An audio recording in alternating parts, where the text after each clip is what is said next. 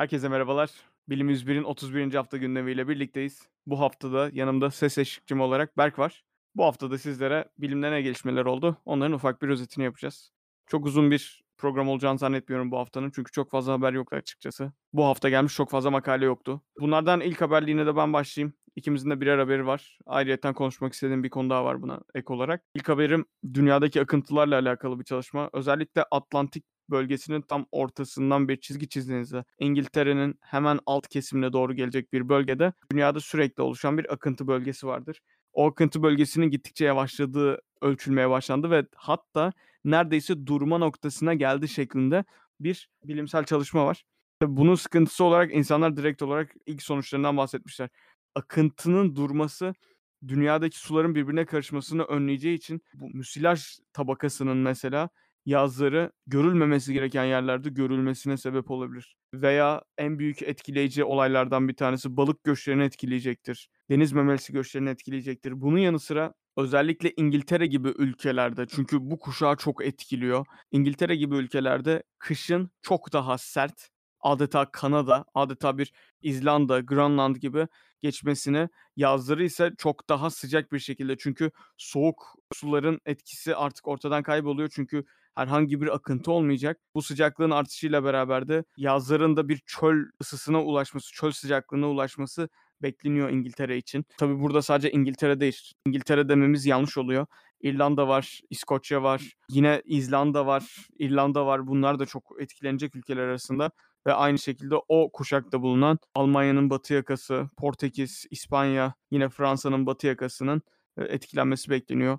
Aynı zamanda bu akıntıların durmasıyla Akdeniz ve Pers Körfezi, İran Körfezi'ndeki suların da çok ciddi miktarda zarar göreceğini düşünüyorum ben şahsen. Ve buna karşı bizim yapabileceğimiz hiçbir şey yok aslında. En kötü durumlardan bir tanesi bu. İnsan eliyle olan bir şey de değil çünkü çok fazla. İlerleyen yıllarda artık bu adeta bir Krakatoa'nın patlaması gibi ya da işte Yellowstone'un patlaması gibi örnek verebiliriz. Olursa yapabileceğimiz hiçbir şey yok. Ancak bizim tek yapabileceğimiz şey a, herhalde patlamaya yaklaştı şeklinde sürekli olarak ölçüm yapmamız olacak.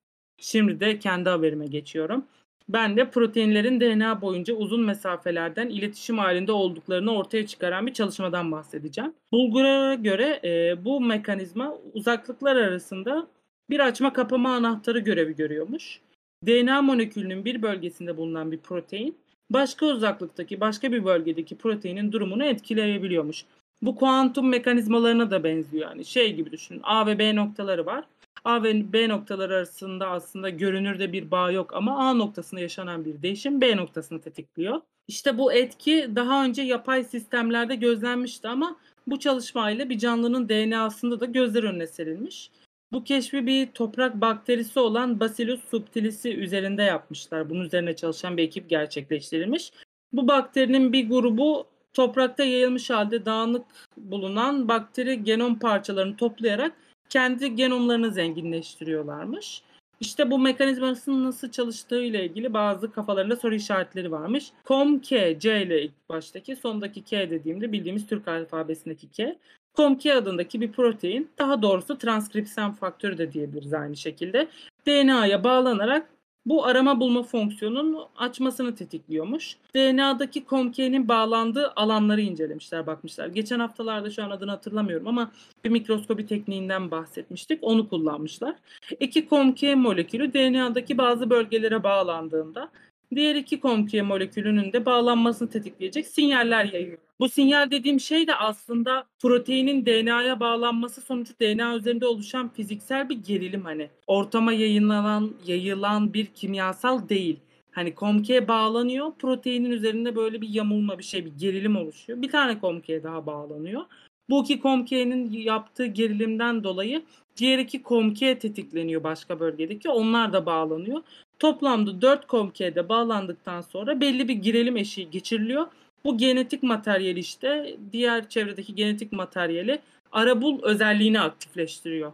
Bu aslında keşfedilmesi şöyle bir yeni kapı açıyor. Şimdi biz e, ne denir genlerin görevlerini, onlarını, bunlarını, proteinlerin görevlerini analizlemeye çalışıyoruz ama bunlar çok detaylı.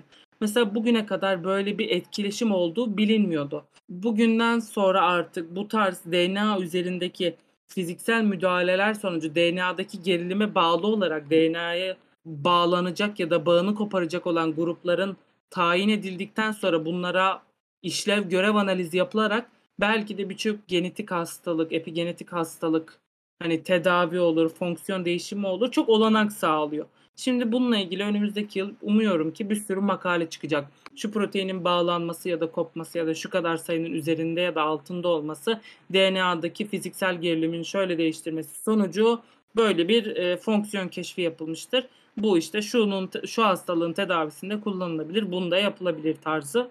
Hoşuma gitti makale yani. Çok farklı bir bakış açısı. Çünkü biz hep hücre içi, hücre dışı, hücreler arası etkileşimleri bir kimyasal bir şey, bir elektriksel bir şey bakıyorduk. Ama hiç düşünmüyorduk hani bulunduğu ortamın üzerine uyguladığı fiziksel basınçtan dolayı bir şeylerin tetiklenebileceğini. Sen ne düşünüyorsun Mustafa? Yani bunun gibi tam anlam veremediğimiz ya da yeni yeni keşfetmeye başladığımız bazı fenomenler olabilir diye düşünüyorum ben.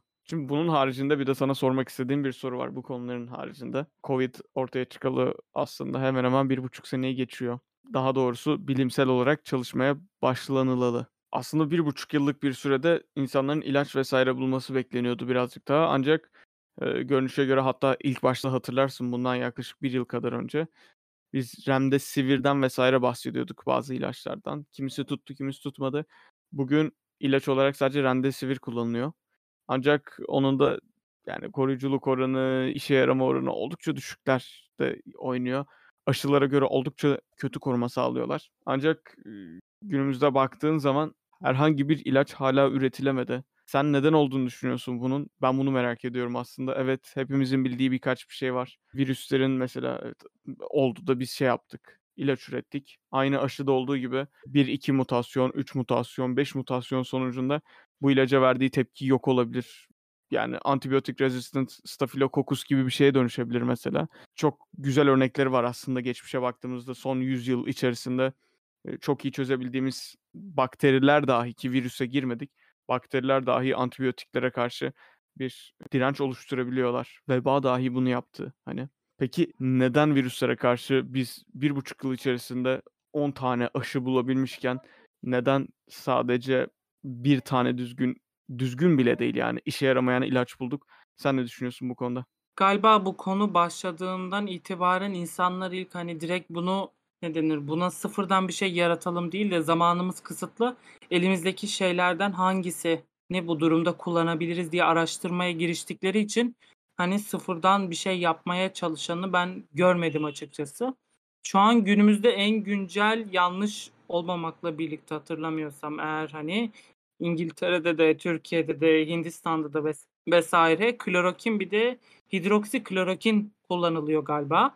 Bunlar e, malaryada kullanılan ilaçlar aslında. Ivermectin'di galiba ilacın adı bir de böyle bir şey vardı. Bu da antiparazitik bir ilaç. Bunlar Covid-19'da kullanılıyor. Ülkemizde de bunlar kullanılıyor hatta. Hani böyle genel antiviral şeyler kullanılıyor. Neden dersen de bence zamanları kısıtlı diye ne denir? Elimizdekilerden hangisini Covid'de kullanabiliriz diye bir araştırmaya girişti herkes. Bu saatten sonra sıfırdan bir şey yapmaya başlasak zaten Covid bitmiş olacak. O yüzden kazanç sağlayamayız. Araştırmaya gerek yok diye de çok giriştiklerini düşünmüyorum. Birkaç girişim vardır ama hani maddi finansman sağlayamadıkları için çok bir şeye ilerleyemezler. Bu tarz bir şey yapmak istese hani Pfizer yapabilirdi.